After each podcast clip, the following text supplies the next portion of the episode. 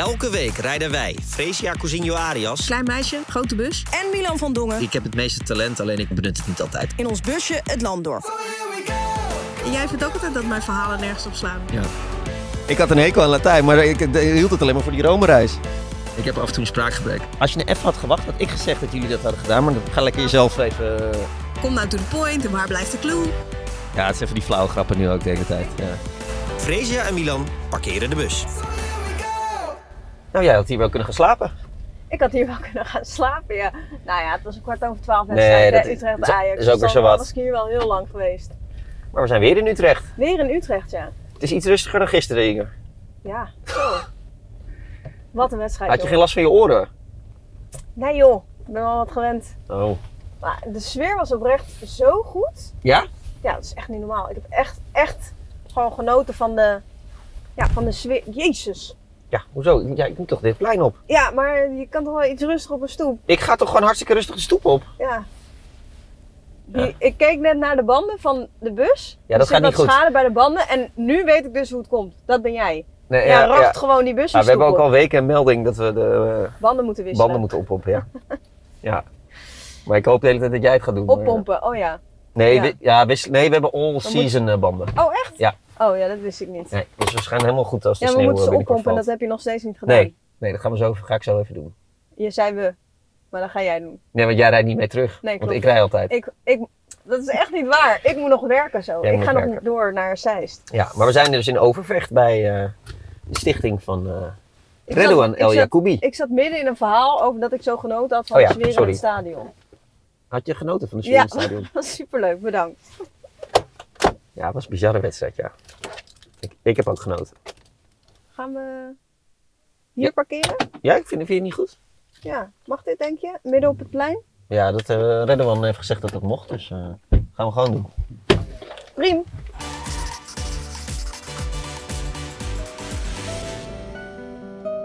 Profvoetballer worden zonder dat een betaald voetbalclub je opneemt in de jeugdopleiding. Een studie aan de universiteit volgen als jongen uit Overvecht. Jouw twee dromen. En twee keer is het slagingspercentage zo ontzettend beperkt. Voor jou als Utrechter geen reden om het niet te proberen. Wie het niet probeert, slaagt toch niet. En alleen jij kent de prijs die je daarvoor betaalt. Maar je bol werkt het wel. Genoeg mensen die dan zullen genieten van hun succes. Jij niet. Als jij het over werken hebt, bedoel je niet het maken van een 4-4 tegen ADO, maar de tijd die je investeert in je stichting. Want je gebruikt je voeten om te ballen en je hoofd om van de wereld een mooiere plek te maken. Dat noemen ze een filantroop, een weldoener en mensenvriend. Als professor van Overvecht ontvang je daarvoor een mondiale award in oktober 2022. Voor jou is dat gek genoeg dezelfde maand waarin je voelt dat men jou als mens in twijfel trekt. De Goed Nieuws Show verandert in een nationale discussie. Van mensenvriend naar mikpunt. En jij bent van het gesprek aangaan in plaats van je verschuilen in een hoodie. En dus heten we welkom in de bus Redouan El Jacoubi. Welkom. Ja. Sjors heeft vier à vijf dagen eh, zijn eh, brein zitten breken op wat rijmt op El Jacoubi.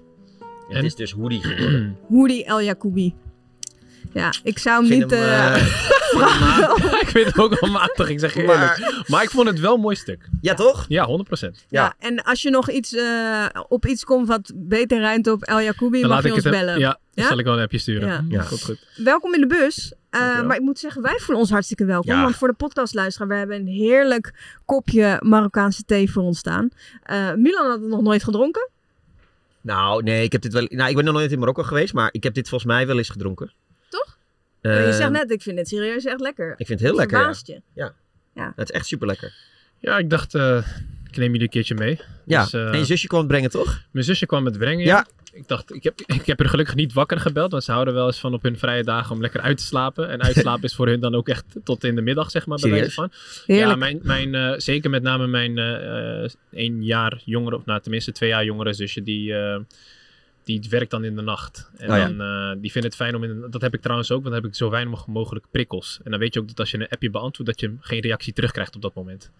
En soms overdag ben je aan het appen en dan krijg je de reacties en dan Ja. loopt het weer op. Doodvermoeiend Dus inderdaad. dan is het soms wel lekker om in de nacht gewoon even Ja. rustig alleen te werken. Die thee is gekomen vandaar. Ja. eh, van het eh, flatgebouw hier links. Ja. Daar eh, Wonen mijn ouders. wonen je ouders. En hier rechts is je stichting. Is de eerste locatie van de stichting, ja. Hier zijn we gestart in het buurtcentrum.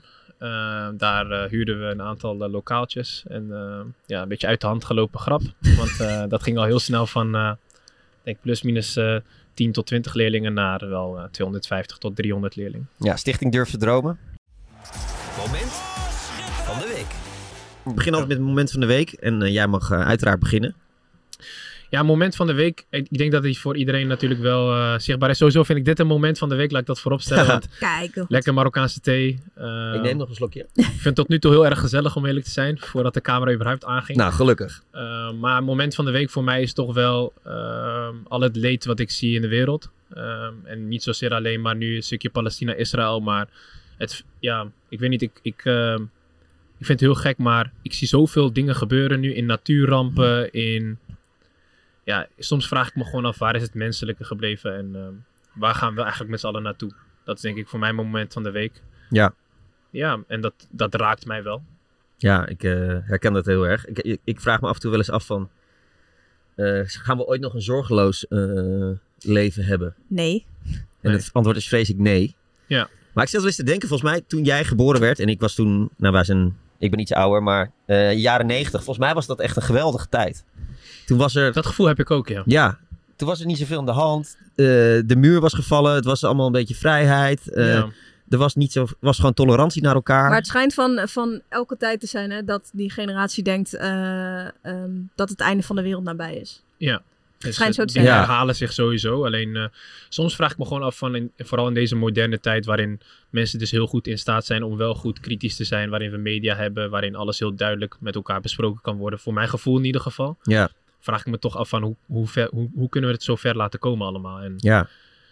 ja, waar zijn, waar zijn die mensen, zeg maar, die. ehm, ehm, waar zijn die vredelievende mensen die iets voor een ander willen betekenen op een goede manier? Ehm, en ja, uiteindelijk moeten we het toch wel met z'n allen samen doen en samen leven. En dat, dat aspect, dat mist voor mij af en toe. Denk je dat we te stil zijn, de vredelievende mensen? Ik denk dat we ons wel, zeker wel wat meer mogen uitspreken. Alleen ik denk dat er ook wel angst is vanuit heel veel mensen om zich uit te spreken. Omdat ze, ja, weet je, eh, wel gestraft kunnen worden.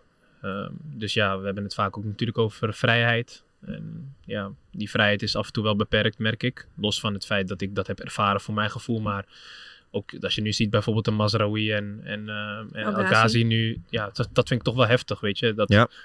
Want volgens mij, ja, dat ze een, dat ze een kant kiezen is één, het één. Maar de vraag is natuurlijk ook wat, wat, wat beargumenteer je dan als je dit, dat stukje kant kiest? Of is het nog steeds een algemeen praatje vanuit dat kant en vanuit die kant? En ik zie voornamelijk zeg maar dat ze ja, wel gewoon hopen dat er vrede komt in hun, ehm, in hun posts. En dat ze niet per se zeggen van hé, de andere kant is een slecht persoon of die doet slechte dingen. Nee.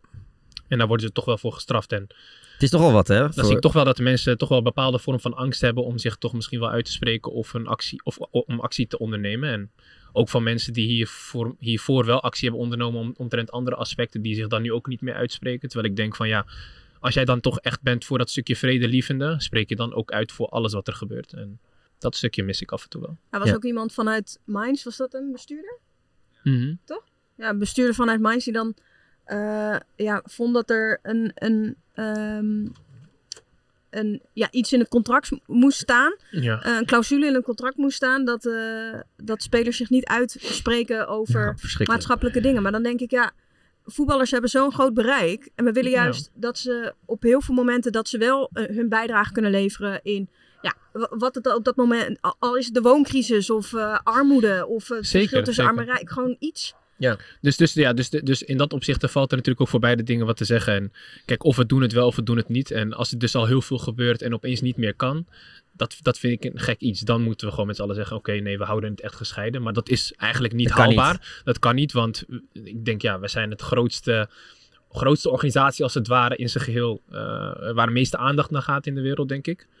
Ja, en dat, Voetbal bedoel je? ja, voetbal gewoon aan zich. Ik denk dat er heel veel aandacht gaat naar voetbal, voetbalwedstrijden, alles wat met voetbal te maken heeft. In Europa zeker, ja. Ja, nou ja, goed. En daarom, gaat het, daarom moet je je wel eh, af en toe uitspreken als voetbalwereld over dingen die er gebeuren. Omdat het je ook aangaat. Alleen, ja, soms zijn we voetballer en soms zijn we mens.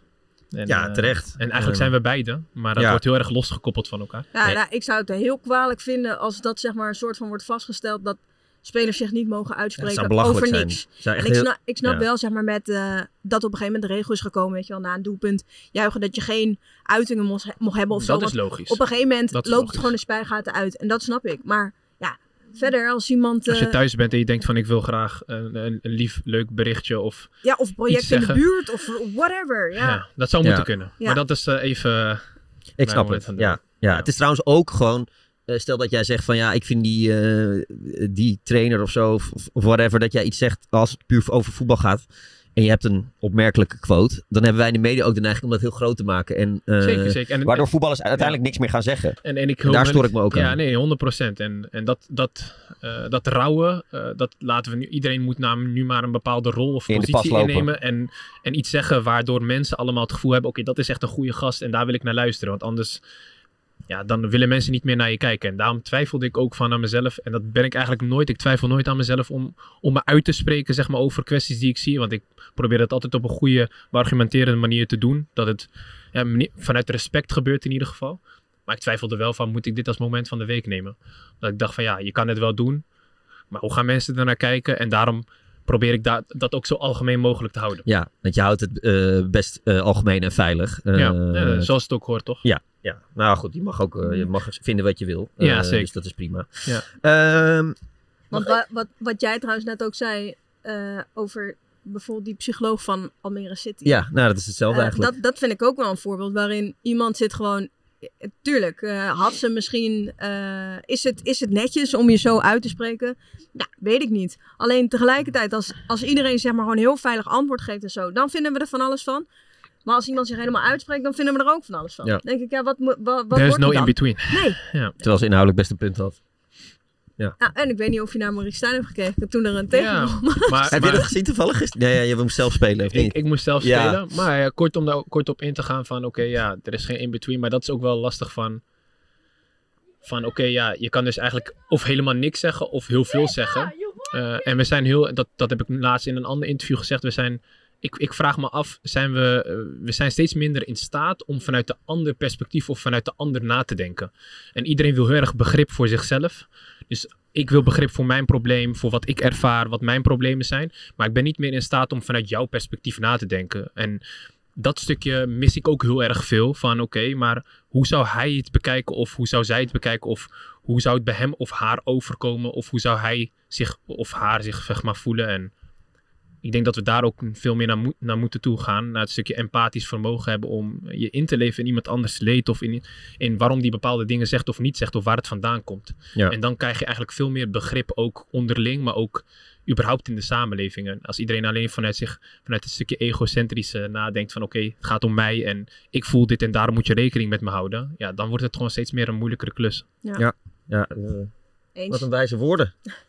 Op Eh, deze, op deze vroege middag. Ja, op deze vroege middag. Eh, ik pak er gewoon even een simpel voetbalmomentje bij. Eigenlijk is dat helemaal niet waar, een simpel voetbalmomentje. Maar ik heb me enorm gestoord aan de, eh, de ophef vooraf over het staken van Utrecht-Ajax. Want ik, hoorde, ik las vrij veel in de media, ja, die wedstrijd gaat sowieso gestaakt worden. Er gaan allemaal vreselijke leuzen over het Israël-Palestina-conflict komen. Eh, nou ja, bekers op het veld, noem het allemaal maar op. Ja, gaan we nu ook al vooraf eh, zeggen dat wedstrijden gestaakt gaan worden? Laten we, we kunnen ook uitgaan van het positieve. Positief. hey, wie weet gaat de Utrecht-fans zich wel heel goed gedragen. En doen de Ja. Ajax-fans ook hartstikke normaal. Ja. Wat uiteindelijk ook zo was. Ja. Eh, dus ik heb me daar... Je kijkt naar mij, ik heb helemaal niks hierover gezegd. Nee. Nee, Nee, want jij bent nu gewoon... eh, Oh, Maar ik ben gewoon- Ik, ik vraag me af, heeft de mede zich ook erover uitgesproken dat het juist heel goed is gegaan? Want ik heb dat niet echt Eh, meegekregen. Maar ik weet het niet nou, hoor. ja. Jullie vragen. Maar... Kees en ik hebben het wel benoemd op elkaar. als je even had gewacht, had ik gezegd sorry. dat jullie dat hadden gedaan. Maar, Oké, dat- ja, nu, ik- eh, maar ga ik lekker hou mijn jezelf mond maar even... eh, Ja, ik hou mijn mond. Nee, dat is gisteren wel benoemd. Dat het eh, echt, echt goed is gegaan. Ehm, uiteindelijk is het natuurlijk wel gestaakt. Maar ja, één bekertje op het veld. Ja, Ja, ik Eh, vind, dat, ik vind dat heel erg eh, ja, vermoeiend. Want dat, stukje ik be- ook. dat stukje bekertje vind ik heel lastig. Want ja, soms ben je ook gewoon eh, uit euforie toch. Je bent blij en dan gooi je even iets in de lucht. En, ja. ja. en soms ben je boos en gooi je... en ik denk dat een stukje bekertjes kan spelers niet echt schaden, zeg maar. En ik vind het ook wel een beetje Ja, horen ik- bij sport of zo Nee, toch jawel, wel. maar ik, ik, ik heb gewoon juist op die momenten dat er gejuicht wordt. Ja, iedereen heeft wel eens van die momenten gehad, toch? eh, op een EK of WK, dat je op een gegeven moment helemaal niet meer weet. Hoe ben ik hier Klopt. terechtgekomen en eh, Mhm. hoezo eh, zijn al mijn kleren nat of zo? Ja, dan heb Nee, je geen zeker. idee. en, en dat gebeurt ook, dat hoort ook bij sport. Maar ehm, nee, nu, ik had me van tevoren ook voorgenomen van ik ga er helemaal niks over zeggen. Want ja, voor hetzelfde, want, want er is nog helemaal niks gebeurd. Nee. En het, Ehm, en het werd gewoon een heerlijke voetbalmiddag. ja, de, Eh, de sfeer was werkelijk En beide fantastisch. supportersgroepen goed gedragen. Eh, nou, Ja, positief. ik, had, ik heb weer een stukje meer geloof in de, Positief. in de wereld. Heel goed. Ehm, ik heb eigenlijk twee momentjes. Nee, dat mag niet. Jawel. Eh, ik heb gewoon het vrouwenvoetbal als moment dan. En daar zitten dus twee submomenten in. Vertel. Eén is dat ik het eh, eh, heel erg mooi vind dat Ajax, de vrouwen van Ajax, in de Johan Cruijff Arena gaat laten spelen. Ze hebben de Champions League gehaald, de groepsfase van de Champions League gehaald. En Gruwelijk. toen kwam er een persbericht van: oké, alle thuiswedstrijden worden in de arena gespeeld. Nou, supergoed. En eh, dat podium verdienen ze ook. Eh, nou, ze hebben onder andere moeten ze tegen Paris Saint-Germain spelen. Nou, dan zullen ze er wel gewoon afgaan. Alleen, eh, ja, je moet het wel Ik gewoon niet, neerzetten. en, nee, precies. Maar je moet het wel gewoon neerzetten en gewoon er een mooie wedstrijd van maken. En ja, dat podium verdienen ze ook. Dat is één. Toch nog een En beetje twee- Champions League. Nog een beetje Champions League in Amsterdam. en eh, ehm, Ja, het zijn van die flauwe grappen nu ook. de en het tweede Ja. moment is de, is de terugkeer van, eh, van Viviane Minema. Eh, het is nu maandagmiddag. En ik ga straks nog door naar Zeist, naar de KNVB. Jij werkt want, echt ehm, hard, hè? Sommige mensen moeten echt werken, ja. Ja. ja. Eh, en eh, dan is Minema weer terug bij, eh, bij Oranje. Eh, ze is bijna een jaar afwezig geweest met de kruisbandblessure. Het is een, eh, nou ja, gevoelsmatig best wel een lang jaar geweest of zo. Ehm, of tenminste, voor mijn gevoel ben je best wel lang echt er niet bij geweest. Hoe lang voelde het voor jou? Eh, ja, heel lang. Ehm, ik ben natuurlijk ja, tien maanden eruit geweest en daarvoor heb ik ook een kamp hier gemist. Dus het is meer dan een jaar geleden dat ik hier als, als speelster op het veld heb mogen staan. Ehm, maar ja, met alles wat er in dat jaar is gebeurd, het is natuurlijk gigantisch druk geweest. Ik heb eh, nou ja, tien maanden in de gym gezeten. Ehm, privé natuurlijk een moeilijke tijd gehad. En dan is dit gewoon echt wel weer een opluchting. En, en ook wel iets waar ik volgens mij heel erg trots op mag zijn. Eh, ik denk dat we er wel gemist hebben. Afgelopen zomer ook eh, in de spits. En ik weet niet, het komt gewoon een interessante periode nu aan. Ik ben heel benieuwd hoe Andries Jonker het- gaat doen. Omdat nu dat systeem hebben ze helemaal omarmd.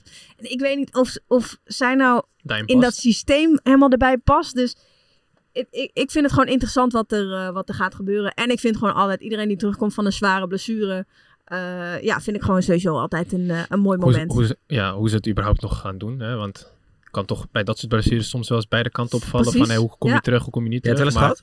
Ik heb het gelukkig niet gehad. Eh, maar ik heb wel jongens gezien die het hebben gehad. En ja, met- sommigen komen heel sterk terug en sommigen komen toch wat minder terug. Maar Andries Jonker heb ik natuurlijk ook als trainer gehad bij Telstar. Dus ga er wel vanuit dat hij daar wel iets voor, eh, voor uitvindt. Ja, Ja. precies. Die vond trouwens dat, jou, eh, dat die stichting allemaal eh, een beetje te, te afleidend was, toch?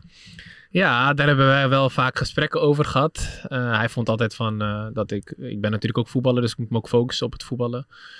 En hij was altijd een beetje bang van... Oké, eh, kan je wel presteren als je zoveel ernaast doet? eh, in een stukje herstel, rust nemen, et cetera. En ja, gek genoeg is nadat ik de stichting ben gaan oprichten... en alles wat ik daarnaast doe... eh, ben ik eigenlijk niet... ben ik alleen maar beter gaan presteren dan wat ik eigenlijk daarvoor deed. Dus ik weet niet of daar een oorzaak-gevolgrelatie in zit, juist in positieve zin. Ehm, en, maar wellicht ben ik me gewoon als mens en voetballer beter gaan ontwikkelen, waardoor ik het beter ben gaan doen. Maar eh, ja, voor, ik, voor mij helpt het in ieder geval juist om heel veel actief te zijn naast mijn voetballeven, omdat ik daar gewoon veel meer energie en voldoening uit haal. Ja, want Want- wa- oh, sorry. Ja, even zeg maar voor ons beeld. Hoeveel, hoeveel uren steek je hierin? Hoe zien je dagen eruit? Hoe ziet je week eruit? Ja, wel, wel veel. Ehm, eigenlijk dagelijks wel gewoon. Eh, en of dat nou is fysiek, niet altijd, want we zijn niet altijd fysiek bezig met de stichting. Dat zijn we denk ik vijf dagen in de week. Ehm, en op alle andere momenten, ja, je hebt ook gesprekken met ouders, met partners in de wijk. Met, eh, zoals vandaag de gemeente Utrecht. Nou, nu is vanmiddag is dan, zijn dan, overdag en vanmiddag zijn er wel locaties bezig, maar daar hoef ik niet per se bij te zijn. Dat, dat lukt hen wel. Ehm, maar ik ben hier wel dagelijks mee bezig, ja. Dus je kan wel rekenen op, ja, ik, ik heb er niet per se een urenaantal, maar ik denk dat het wel minstens net zoveel is als mijn voetbalcarrière. Dus ja, en al, al zit dat hem ook in administratie, mailtjes, telefoontjes. Het is wel veel tijd wat ik daarin eh, steek, ja. Want als je helemaal teruggaat naar het begin. Hoe is dit ooit begonnen en waarom wilde je dit doen? Ehm, nou, twee redenen. Een van de redenen was eh, op de middelbare school waar ik op heb gezeten, daar eh, zag ik gewoon heel veel kinderen met, met een andere etnische achtergrond die niet hun diploma haalden. En ik frustreerde mij daaraan, want ik dacht van hoe kan het zo zijn dat die jongens het, of meisjes het niet halen?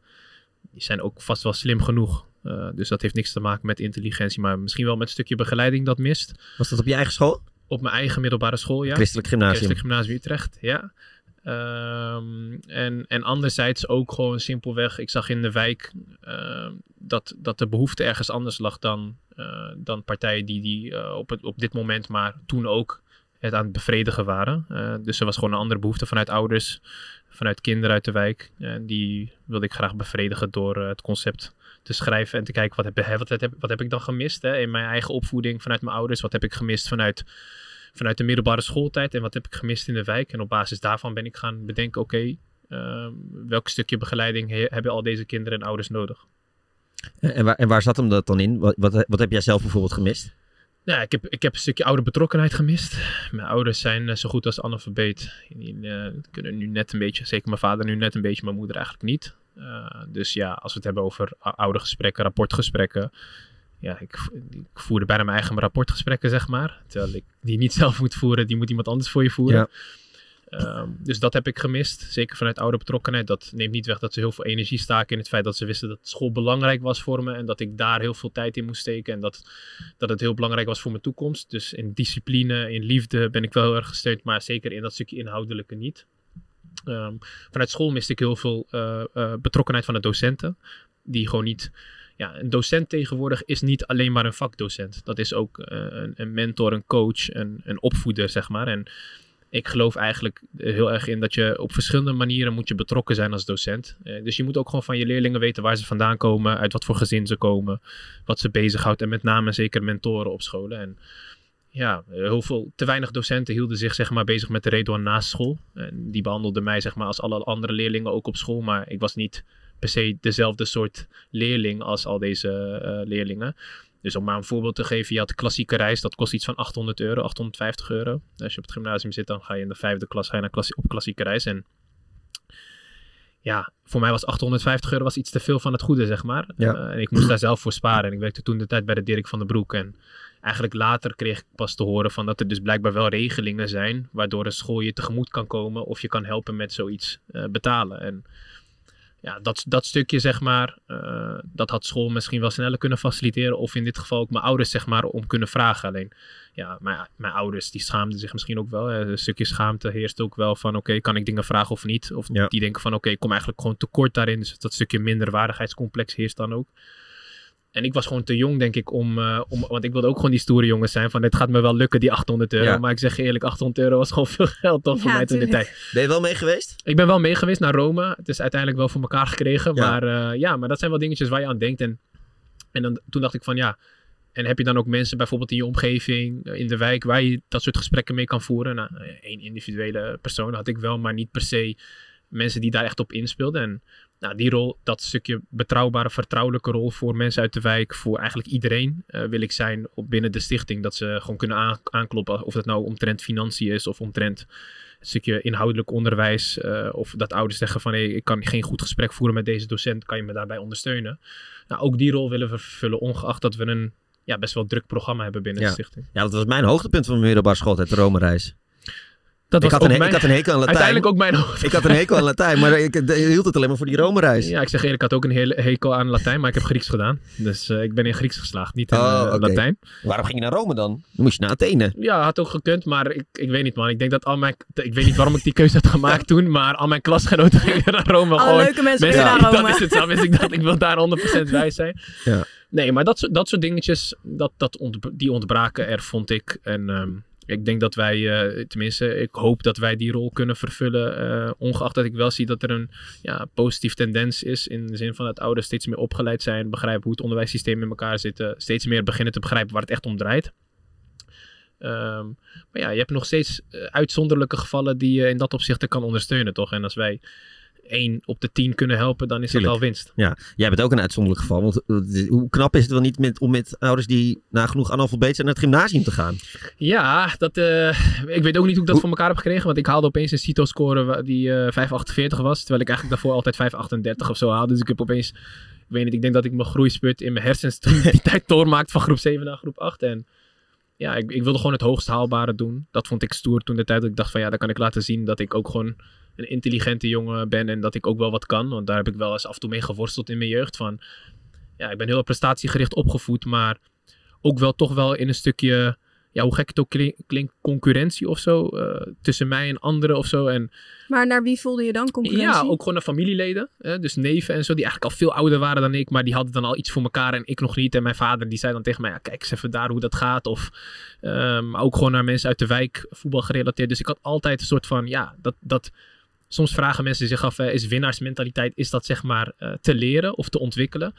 Eh, ik denk heel moeilijk, maar juist door de gebeurtenissen of mijn opvoeding zoals die heb gehad, heb ik dat wel heel erg, ja, dat stukje survival modus, stukje winnaarsmentaliteit heb ik wel echt geleerd. En ja, dus, dus ik voelde, ik had altijd het gevoel van, ja, ik, ik moet gewoon het allerhoogst haalbare, maximale proberen te halen. En ik ga Ja. er alles aan doen. En dus, dus mijn vrienden ook, is grappig uit de buurt, als ze, als ze tegen mij zeggen van, hé, hey, eh, hey, eh, eh, die spits, eh, ik zeg maar gewoon een topspits, hè, maakt niet uit. Ja. Gaat hij je koud maken of niet? Dan zeg ik nee, man. Gaat me never nooit koud maken. Ik kan, no- ik kan niet tevreden zijn met mezelf om te zeggen over een andere speler. Van dus, eh, dat je van, het niet aan kan. dat ik het niet aan kan. Ja. Dat, dat kan ik gewoon niet. Dat zit niet in mijn hoofd. Ik wil het ervaren. En ik doe er ook alles aan om, om het tegendeel te bewijzen. En, Maar hoe, eh, hoe werkt het dan bij jou als iets niet lukt? Hoe, hoe werkt dat bij jou zeg maar intern en hoe ga je daarmee om? Ja, ik, ik moet eerlijk zeggen, eh, tot nu toe dus heel weinig gebeurd dat dingen niet lukken. Maar ja, eh, intern, ja, ik ga dan heel veel evalueren met mezelf gewoon. Dus ja, ik ben, ik ben een ja, echt overtinker. Gewoon, ik denk echt veel na en ik ga dan heel veel beelden kijken, heel veel dingen herhalen, dingen bekijken en veel meer analyses treffen. En mijn hoofd werkt toch wel snel in de zin van dat ik dan toch wel met oplossingen kom voor mezelf. Hoe ik het anders kan doen om, om misschien wel schade in dat opzicht te beperken. Maar, maar hoe vaak zit je dan daarmee ook jezelf in de weg, denk je? Want denk denken, vaak genoeg. denken is niet, is niet altijd chill. Nee, zo nee, ben ik het mee eens. Dus ja, ik zit mezelf ook wel vaak in de weg hoor. En dat ik heel veel nadenk over dingen. Eh, maar ja, ik geloof er wel in dat. Zeker om de kwesties waar ik over moet nadenken, dat ik misschien wel een persoon ben die dat zou moeten doen. Ehm, nou, dus als we het hebben over maatschappelijke context en dingen die er gebeuren, natuurlijk politiek gezien. eh, ja, niet iedereen is in staat om zich goed te verwoorden, om uit te spreken over bepaalde zaken. En ja, ik ben moslim, ik geloof erin dat God mij toch van een bepaalde vorm van hersens heeft gegeven. En misschien ben ik wel de, die sleutelfiguur of persoon die, eh, die gekozen is om dat, om dat gesprek te voeren of om, om zich daarover uit te spreken. En ja, als je het kan, moet je die rol ook vervullen om andere mensen die het niet kunnen te beschermen of te helpen, denk ik. Ja. En wa- wat was het punt op de basisschool? Dus ja, die CITO-toets inderdaad. Ja.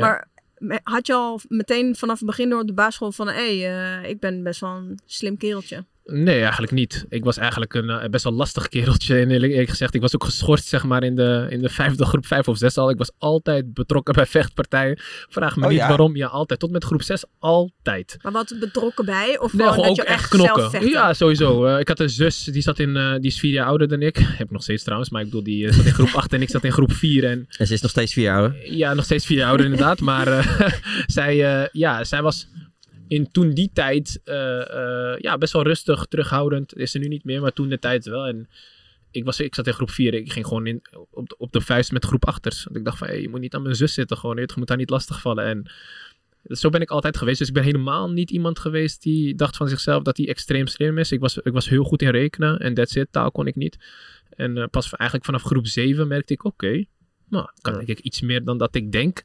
Eh, en toen ging ik naar de middelbare school. Toen dacht ik, toen ging heel snel dat stukje zelfvertrouwen ging al heel snel omlaag. want ik kwam in de klas met extreem erge nerds. Ja? Ja, maar die, die waren veel verder dan ik hoor. Die, eh, het ja, die, beetje scoorden tienen voor Latijn en zo, zeg maar. Ja, ik zeg Dus een eerlijk, beetje alsof eh, je midden in de ronde stond. ik zeg eerlijk, zwaar in de ronde. Gelukkig sta ik niet zo vaak zo erg in de ronde bij Excelsior. Maar ja, dat was het wel. En eh, ja, to- toen kwam ik er wel achter, oké.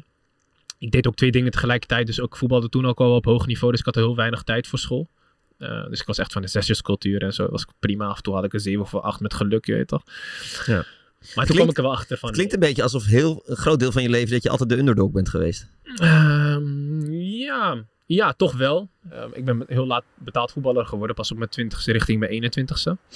Eh, ik, ik hoopte dat het eerder... Want daar heb ik het vaak ook weer met, eh, met onze assistent-trainer Ruben. Van, hij zegt altijd, ja, je, bent, zit eigenlijk pas een beetje in je ontwikkeling als 27-jarige. In de ontwikkeling van iemand die 22, 23 is. Omdat ik al die jaren daarvoor heb ik niet meegekregen. Het extreem vaak trainen, eh, fysiek, kracht, et cetera. Heb ik allemaal niet meegekregen. Dus ik begrijp het spelletje eigenlijk sinds een jaar of twee eigenlijk heel goed pas.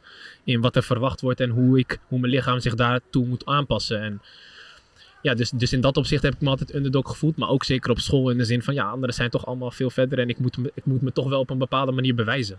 Ja. Ja. Ja, is, is dat eh, vormend geweest voor de rest van je leven? Ja, je bent pas 27, maar... Ja, eh, wel, wel vormend in de zin van dat ik, dat ik altijd denk van dat je iets kan bereiken ongeacht wat andere mensen denken. Dus zeker in de tegendeel bewijzen en ehm, eh, ja, gewoon zelfkritisch en veel zelfvertrouwen te hebben, dat zeker. Ehm, ja, en het onmogelijke mogelijk maken. Dus eh, dat is ook de reden waarom ik zeg, ja, ik, ik kijk gewoon niet op van andere spelers of wat dan ook. Ik, ik ja, ben daar niet snel van onder de indruk. Ik vind veel spelers ook wel goed zijn, maar ik denk wel van ja, ik wil het ervaren, ik wil het proeven. Ja, want er zat ook een bepaalde verongelijkheid in jou. Ik sprak jou nadat jullie gepromoveerd waren. En toen vond je eigenlijk dat jullie te weinig gezien werden. En jij ook. Ja, nou ja, en dat heeft natuurlijk ook te maken. Daar hebben we natuurlijk ook in het begin eh, van dat seizoen. Ja, ja, vorig precies. jaar hadden we toen ook al gesproken. Klopt, gesproken ja. inderdaad. Ja. Ja, dat zit hem ook gewoon in de, in de zin van: kijk, ehm, misschien is mijn uitstraling als voetballer zijnde veel minder mooi. Hè? Ehm, eh, ik geef maar een voorbeeld. Toevallig had ik gisteren eh, een interview bij Rijnmond. En ik, en ik crosste een bal op 50 meter, precies op iemands eh, stropdas. Weet je. En dan ik, soms zie ik soms beelden bij ESPN opeens voorbij komen, of waar dan ook eigenlijk, dat zo'n crossbal wordt dan uitgelicht als een gruwelijke bal, omdat iemand een, een bepaalde speler het dan geeft. En dan denk ik van ja, niet om het een of ander, ik vind dat een hele normale bal, snap je? En als je dat dan belicht, waarom belicht je dat andere dan ook niet, snap je? En dat stukje van, ja, en dat is ook logisch ergens, want sommige spelers krijgen ook gewoon veel meer aandacht, die hebben dat stukje uitstraling, die hebben dat stukje, dat, dat misschien een eh, analyticus hun graag heeft, dat kan. Hè? Ik nogmaals, kan het niet voor iedereen invullen. Maar dat gevoel heb ik af en toe wel eens gehad. Ook met name zeker in, in het jaar dat we promoveerden. Ik scoorde toen 6, 7 goals. Ook niet de minste goals. En ehm, ja, en ik zag sommige jongens met, met diezelfde soort statistieken echt mooie stappen maken. Dat ik dacht van oké, ik hoef niet per se die stap te maken. Maar ik heb ook niet het gevoel dat er heel veel interesse is of dat mensen over mij spreken of zo. En dan ga je toch wel nadenken, oké, en daar heb ik het vaak over van een groeimindset. Dan moet je voornamelijk de focus houden op jezelf. Alleen het is voor mij, ik, ik haal ook energie uit mezelf vergelijken tot anderen. Omdat ik dan weet wat, wat ik moet doen om. En dat is wat je altijd hebt gedaan.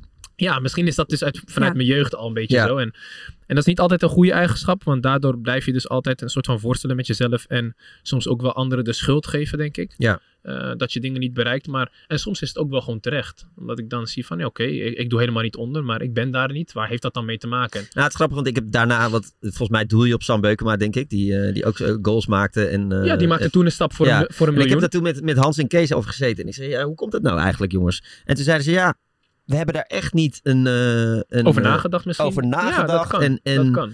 eh, er zit zeker geen complot achter of iets dergelijks. Eh, Neem niet weg dat ik hem trouwens gewoon wel een prima speler vind, hoor. Dus daar gaat het Nee, niet om, zeker. maar- Maar daar, daar zit echt niks achter van, nee, we hebben dat bewust niet gedaan of, of whatever. En ik, ook eerlijk soms gezegd, lopen dingen ook gewoon zo. wel ook Thijs Dallinga in ons team. Hè. Ik bedoel, dat soort... ja, Vaak is het natuurlijk wel... ik zeker- niet in het bereiken misschien, zeg maar. Nee. Met hem. Maar als centrale verdediger in die competitie in dat jaar... Ja. denk ik dat het meer vanzelfsprekend was geweest... als er iemand zich had gemeld, zeg Precies, maar. En- maar ja, de pech dat Beukema topscorer werd van zijn club. ja, dus, dus, dat, dat hielp niet mee. Dat, dat stukje misschien wel. Alleen, Ja. ja, dus dan ga je, dan ga je vragen van... oké, hoe waar zit dat dan in? En Maar dan, als zo je zie ik dan- het vaker, hè. Maar, Als, je dan, als je dan, zoals jij, sorry dat ik je onderbreek, maar, Nee, maar niet, als hè? jij dan eh, dus aangeeft van ik ben een heel erg denker en er is zo'n situatie.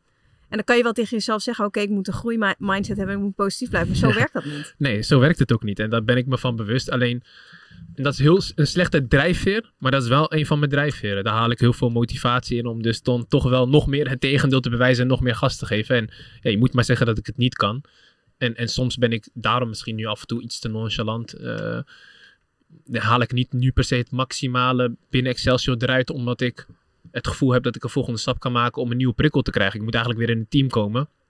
Waar ik helemaal koud word gemaakt gewoon. Ja. Waarin iedereen mij alle kanten van het veld laat zien. Dat ik denk maar van, ik weet niet waar ik moet zoeken. staat. Ja, maar snap je, misschien moet ik Ja. dat wel weer ervaren. Want daar haal ik weer mijn prikkel uit. Dat ik denk van, oké, hey, ik moet nu weer hier aan gaan werken om het verschil te maken. En dat stukje heb ik nu, eh, ehm, ja, soms ook gewoon niet bij Excelsior. Omdat ik, ja, daar heb ik toch wel alles al ervaren. Eh, ben een belangrijke speler. Dus dat gaat dan op een andere manier voor mezelf. Nee, het is te merken in, eh, in, eh, eh, waar Freesia staat in haar Scorito-klassement. Hey, hey, hey. Ja, ik heb jou Ik met ben nog team. steeds- ik had ik ben- vertrouwen. Hey, je hebt gewoon een goede keuze Je gemaakt. moet, je hebt moet me niet teleurstellen. Nee, nee, nee, sowieso niet. Ik ben top, daar. Ik ben top. daar. Je had hem zelfs aanvoerder gemaakt deze speelronde. Ja, ik had gewoon, ik had er gewoon, ik had gewoon, ik had er gewoon een go- goed gevoel over. Ongelooflijk. Excelsior tegen PEC. Ik dacht, dit gaat gewoon gebeuren. hey, wat is daar gebeurd, joh? Excelsior Pack. Moeten we het daar nog over hebben? Mag wel, ja, Heel mag- kort. mag wel kort. Was niet Ik- best, hè? Ik doe veel even een half glas ondertussen. Wat is dit Maar nou? Dat- ik, weet niet, ik weet niet of er nog... Wil jij ook nog? Ik weet niet of er nog eh, thee in zit, maar als heb jij geluk. Als heb jij geluk. Maar ik weet niet of er nog thee in zit. Maar wat daar gebeurd is hier, zit ja, nog wel een klein beetje. Maar eh, wat daar gebeurd is, ja, nou ja, goed. Nee, nee, nee, ik ben oké. Ehm, ik denk dat het, ehm, ja, we zijn in, in, Oh. ja, mensen hebben het wel over het tegendeel, maakt niet uit. Iedereen heeft het over het tegendeel bewijzen. Of tenminste, sorry, eh, met beide benen op de grond, dat werd gezegd.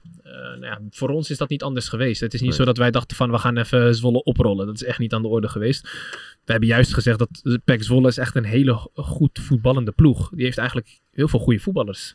Alleen, eh, ja, in de eerste helft moet je denk ik gewoon drie goals maken en dan is de wedstrijd afgelopen. Ja. Of dan, eh, dan maak je de wedstrijd kapot. Alleen nu laten, houden ze in leven en dan gaan we eigenlijk in het e- begin van de tweede helft een beetje naïef om met het feit dat we denken dat we opeens heel goed kunnen voetballen. Ja, we kunnen goed voetballen, maar alleen als alle voorwaarden daar zijn om goed te kunnen voetballen. En die lagen er niet en die zagen we niet in. En dan sta je heel snel 2-1 achter. En dan eh, zie je toch wel weer dat we een beetje terugkomen op, op dat stukje van... eh, eh, ja, dat we, dat, we, dat we niet dat stukje kunnen overwinnen om, om, om weer gelijk te maken of Ja, iets. En precies. dus dat is er gebeurd. Maar goed, daar Maar trekken we nog weer lering steeds uit. is het een, rijtje. eh, een supergoeie Tot nu toe. start van het Tot nu seizoen. toe, ja. Dus, eh, we hebben eh, de rubriek 15 snelle vragen. Ja. Eh, ik begin. Mijn allerbeste vriend of vriendin is... Ehm, ja, die heb, ik heb wel meerdere. Ik moet nu keuzes maken. Hè, Ja, maar, moet eh, kiezen. oh ja, dan zeg ik Ashraf El Kanoussi. Dat is iemand die de hoofdmarketing is van onze stichting. Maar die is ook elke wedstrijd uit en thuis bij mijn wedstrijden. Ik wil Mooi. altijd kijken. Mijn Nice. idool. Eh, zo, mijn idool. Ja, ik wil niet cliché antwoorden, mijn moeder. Maar ik heb niet per se echt een speler of wat dan ook. Dat ik zeg van, oké, daar ben ik echt... Vroeger ook niet? Vroeger was dat altijd Ibrahim Afellay. Daar was ik Oh, altijd... eh, want die komt uit de Ook wijk. het overvechten. Ja, en ik, hij speelde toen al bij PSV. En ik was echt altijd van, nee, ja, daar wil ik echt komen. Ja. Dus vroeger had ik dat wel echt, echt als idool. Ja, mooi. De mooiste plek waar ik ooit ben geweest. Eh, ik ben niet op heel veel plekken geweest eigenlijk. Eh, laatste vakantie was in Dubai, dat vond ik heel mooi. Maar dat vind ik niet echt per se een extreem mooie plek van nature, zeg maar. Nee. Eh, maar dan eh, zou ik wel kiezen in Marokko, waar, eh, waar mijn ouders vandaan komen, waar mijn moeder geboren is. Echt daar het platteland tussen de olijvenbomen. Dat vind ik altijd wel heel rustgevend en een mooie plek. Favoriete zanger, zangeres of artiest? Lijpen. Lijpen? Ja, Lijpen. Mooiste liedje? Eh, sowieso van Lijpen, intro, levensles. Ken ik niet. Als, als, als Lijpen dit hoort, dan eh zou hij 100% glimlachen. En waarom zou die moeten lachen? Ja, het is een van zijn eerste albums. En eh, ik weet niet, er zijn denk ik heel weinig mensen die nog dat soort liedjes luisteren van hem. Iedereen kijkt natuurlijk naar de albums die er nu zijn. Maar intro Levensles, hij was er wel vroeg bij. Toen dacht ik al wel van, ja, wordt toch groter. Mooi. Lievelingsfilm of serie? Eh, eh, film eh, Gladiator. Serie Naruto. Ik kijk anime trouwens. Dus ik kijk heel veel animatie. Ja. Ja, ik vind dat heel leuk. En ik kijk soms ook wel gewoon normale series. Maar ik vind anime, eh, daar kan je echt stoppen en heel lang niet kijken. En dan weer verder kijken en dan heb je niks gemist. Terwijl als je soms series kijkt op Netflix en zo, dan moet je door blijven kijken om het verhaal goed te begrijpen. En als je dan stopt voor lange tijd, dan lijkt het wel alsof je helemaal weer alles opnieuw moet kijken. Dus nee, Naruto. En Naruto heeft echt wel een eh, ja, levensecht verhaal of zo. Het is wel animatie, maar hoe hij zich voelt, het tegendeel bewijzen, dat soort dingen, daar kan ik me heel erg in vinden. Je hebt het idee dat er een serie over jou is gemaakt. Naruto is echt, jongens, Naruto moet je kijken. Spannendste boek? Zo, spannend. Of beste boek? Ehm, ik ben niet echt een boekenlezer. Ik koop wel heel veel boeken omdat ik denk dat ik ze ga lezen. maar ik ben Om er niet slim echt... uit te zien. Nee, ik zeg eerlijk, ik wil ze heel graag lezen. Ik kom er nu niet echt aan toe. Maar nee, ik heb niet per se echt een boek dat ik denk van... Ik vond de inleiding naar sociologie op de Universiteit Utrecht vond ik een heel interessant boek. Dat is heel gek, maar dat, daar heb ik ook het hoogste cijfer voor gehaald. 9,5 of zo had ik daarvoor. Want je ging sociologie studeren. Nee, eh, bestuurs- en organisatiewetenschappen. Maar een van de vakken was een inleiding naar sociologie. Oh ja. Niet afgemaakt nog, hè? Nee, niet afgerond. Gaat het nog gebeuren? Eh, als het moet, dan gaat het gebeuren. Hoogtepunt van mijn leven. Ik denk wel promotie, eh, promoveren met Excelsior eh tegen ADO Den Haag. Dieptepunt uit mijn leven. Het dieptepunt van, mijn van mijn leven, dat is toch wel geweest. eh, mijn moeder kreeg vijf, zes jaar geleden kanker, eh, maag-darmkanker. En eh, ja, dat is, dat is denk ik wel eh, de zwartste periode geweest uit mijn leven, zeg maar. Eh, toen heb ik me wel echt, eh, ja, heb ik me wel sterk moeten houden, zeg maar. En eigenlijk alle andere dingen in succes die minder gaan of min- minder goed gaan, ik ben daar heel erg nuchter in. Ik vind het heel zonde en ik zit er wel mee, maar dat zijn dingen die je kan overwinnen. Maar als het gaat om mensen die heel dichtbij komen of gezondheidskwesties, ja, dan eh, heb ik het er wel heel moeilijk mee. Maar eh, Nee, hij gaat wel goed weer met mijn Ja, moeder. toch? Ja, ja zeker. Ja, Ja, ja, precies. gelukkig. Gelukkig. Ja, gelukkig ja. Mijn, Ehm, mijn lastigste... Oh nee, jij bent. mijn lastigste tegenstander. Ja, zo denkt hij dus niet. Maar, Zo eh, denk ik niet, maar ik heb wel een lastige tegenstander. Het is wel grappig dat ik dit ga zeggen. Maar toen ik bij Jong Utrecht net kwam te spelen, toen eh, ja, was net het eerste jaar betaald voetballer. Ik speelde rechtsback trouwens toen altijd, terwijl ik was altijd centrale verdediger of zes. Toen heb ik een hele moeilijke avond gehad tegen Arsenio Valpoort en Owusu. Die speelde toen bij Almere City Owusu, toen de ja, tijd. ja, ja. Ja. Linksback was hij en, eh, en Arsenio Valpoort was, was linksbuiten. Ik heb echt, eh, en toen stonden wij ook laatste of ene laatste met Jong Utrecht. Ik heb echt Van alle spelers tegen wie je hebt gespeeld. was dat echt een nachtmerrie van mijn leven toen de tijd. Ja, toen ben ik echt die dag. Ja, het is niet per se dat ik nu zeg dat hij nog steeds een lastige tegenstander zou zijn. Maar die dag kan ik. Dat is gewoon traumatisch geweest dat ik daar nu nog steeds je aan denk. snel vergeten. Ik ben aan alle kanten ben ik toen voorbij gelopen. Goud. Mooi. Maar ja, als je nu zegt lastigste, eh, lastigste tegenstander. Ja, ik, ik heb het voornamelijk lastig denk ik met tegenstanders die super slim zijn. Die gewoon ehm, eh, heel goed nadenken. Die dus niet met mij in contact willen komen. Want fysiek gezien eh, kan ik alles wel bijbenen. Of technisch gezien ook. Maar zo'n, bijvoorbeeld zo'n Jiménez zeg maar. Ja, die zie je bijvoorbeeld in de, in de wedstrijd eigenlijk vrij weinig. Maar alleen op het moment opeens is die er. Boom, goal. Ja. En dan, ben je, dan heb je misschien één of twee momentjes even niet opgered tijdens Ja, die loopt hij 90 uit je minuten. rug en dan... Dat. Ja. dat. Dat zijn wel, vind ik altijd lastige tegenstanders. ja. Ik vind hem ook echt een hele interessante speler om gewoon de hele wedstrijd zeg maar naar hem te, Te kijken. Ja. Dat je gewoon ook ziet dat hij aan het inschatten is van deze bal gaat niet voorkomen. Dus dan wacht hij nog heel eventjes. Of dat hij denkt, oh nu ga ik heel eventjes aan de, aan Andere de, kant. aan de andere kant staan. ja. Is wel, niet elke speler is interessant om op zo'n manier de hele wedstrijd te 100%. kijken. Maar bij hem eh, is dat wel echt zo. Ik ben hè? Ja. Wat ik het liefste doe in mijn vrije tijd. Ja, als ik het zo hoor, heb je niet heel veel vrije Ik tijd. heb niet heel veel vrije tijd, nee, maar ik ben, eh, ja, ik, ik, ik vind het af en toe wel lekker om gewoon even een dutje te doen, omdat ik eh, soms wel slaaptekort heb, maar ik vind het, ik, ik hou echt van gewoon lekker eten. Dat is misschien heel gek, ja, iedereen houdt wel van lekker eten, maar daar eh, investeer ik wel graag mijn tijd in. Maar ik ben vaak wel gewoon op, op bezig met de stichting en met ondernemen gewoon, eigenlijk. Ja. Ja. Nou, een mooi brugje naar de volgende. Mijn favoriete gerecht? Ehm, eh, witte bonen. Maar eh Je gemaakt houdt op van lekker eten? Ja, maar Marokkaanse manier. Mijn moeder als dat, als dat maakt met vlees. Ja? Dat is een andere koek hoor. Oké. Wil je best nodig eh, Ja, uitnodigen. om- meteen witte bonen Ja, uit maar- blikken in je hoofd hij. Nee, nee, nee, nee, nee, Ik zeg eerlijk. eh, mijn moeder kan het gerecht echt extreem goed maken. Echt, eh, echt lekker. En ze maakt ook een ander gerecht dat super lekker is. Dat is iets met vermicelli met, met kipfilet eronder. En dan bovenop poedersuiker. Gruwelijk gerecht. zijn- Poedersuiker, wauw. Ja, hé, gruwelijk. Ik zeg eerlijk, ik wil jullie best een keertje uitnodigen om dat te eten Nou, dat bij lijkt mij. lekker. Van harte welkom. Eh, ik kan niet leven zonder... Mijn moeder. Wat niemand over me weet is... Eh, eh, wat niemand over me weet is dat ik ehm, ja, best, wel, best wel een gevoelige persoon eh, ben. In de, ja, ik ben, ik ben in, in uitstraling, misschien denken mensen altijd dat ik super hard ben. Maar eigenlijk ben ik best wel een eh, ja, gevoelig persoon. Eh, en raken dingen, sommige dingen. Maar ik, kan, ik kom bijvoorbeeld zeg maar om, om afleveringen van zo'n Na- Naruto waarin die dingen ervaart. Daar kan ik wel een traantje over laten, zeg maar. Ja, ja. Ja, dus ik ben ja, gevoeliger dan mensen denken, denk ik. En de laatste, dit ben ik in drie woorden. Ehm, eigenwijs. Baat voor niks. Eh, loyaal. Ehm, ja, en ik denk wel een mensenmens, denk ik toch wel. En, ehm, gewoon heel goed in staat om eh, in te leven in anderen. En eh, ja, wat ik zeg, ik ben gevoelig, dus ja, ik ben gewoon heel erg em- empathisch. Misschien is dat wel het juiste woord. Oké. Nou, mooi. Eh, goed lijstje Zeker. afgewerkt. Maar ik wil nog wel even... Waar voetbal jij volgend jaar? Want dit, dit, jouw eh, ontwikkeling is een stijgende lijn. Eh van Nou, hij, hij vindt al dat hij eigenlijk ergens anders had moeten spelen. Vind je dat je niet gewoon hier moet spelen? Nee, ik zeg je eerlijk, eh, hier zo die club hier zo naast, prima hoor. Ja, toch? Dat, dat ben ik wel van plan als ik klaar ben met mijn carrière. volgend jaar. Eh, oh, je bedoelt hier, sorry, je bedoelt, ik, ik hoor hier, maar ik dacht hier in de zin van de amateurclub hier. Ik dacht, ik bedoel- we lopen te dollen, maar je bedoelt FC Utrecht. Ja. bedoel je. Kijk, FC Utrecht is een grote mooie club, toch? Ik ben Utrechter en eh, Zou zou, een het, zou niet mis- het, zou, zijn? het, het zou niet voor mij misstaan, want Utrecht speelt normaliter gewoon voor Europa, et cetera. En, eh, ja, Maar weet goed, je, zelfs eh Azarkan zit daar op de bank. Nee, klopt, maar ja, dat... Hij als was er- goed gisteren, man. als, Ja, als, kan, als er kan, komt er wel hoor. Daar maak ik me niet druk om. En eh, heeft misschien een, moest een beetje acclimatiseren misschien wel. En eh, een nieuwe club, et cetera. Maar Ja, wie weet toch. Kijk, ik, eh, ik, heb, ik, heb, ik hoop nu dat ik in ieder geval zo fit mogelijk blijf. En dat ik mijn tweede jaar Eredivisie kan doormaken. En dat ik door kan pakken. Want ik speel nu ook op zes. Andere positie. En dan Ja. lekker transvrij vertrekken.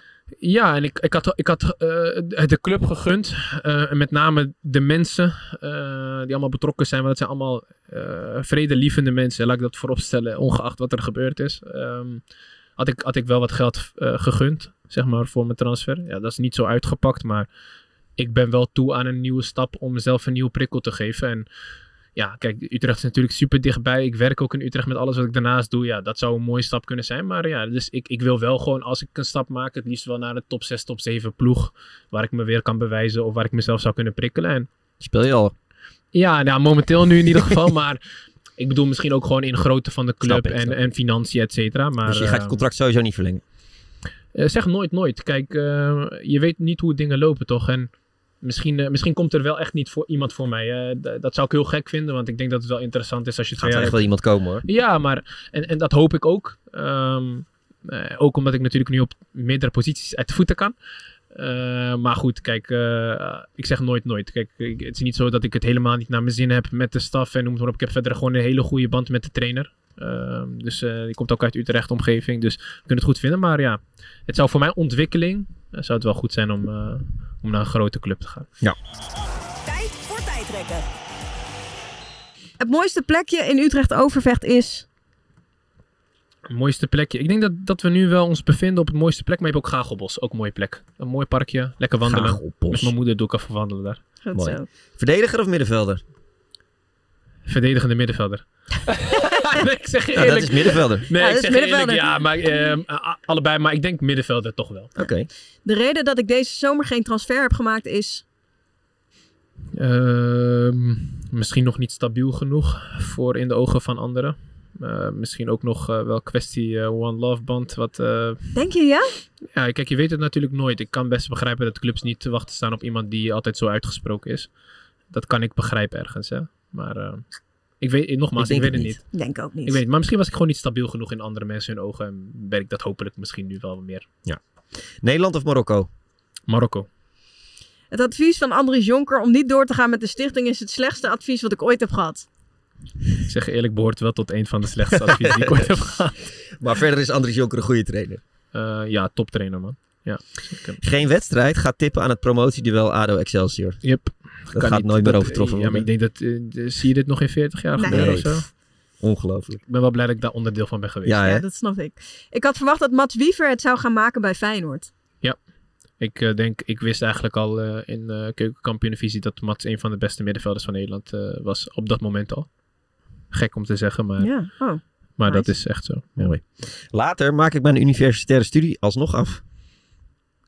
Twijfel. Maar ehm, ik denk, zeg eerlijk, gewoon om het papiertje te hebben en te kunnen zetten op LinkedIn eh, Bachelor of Master of Science of zo, dat soort dingen. Ja, ja. Toch die bewijsdrang, hè? Je weet toch, misschien alleen daarvoor.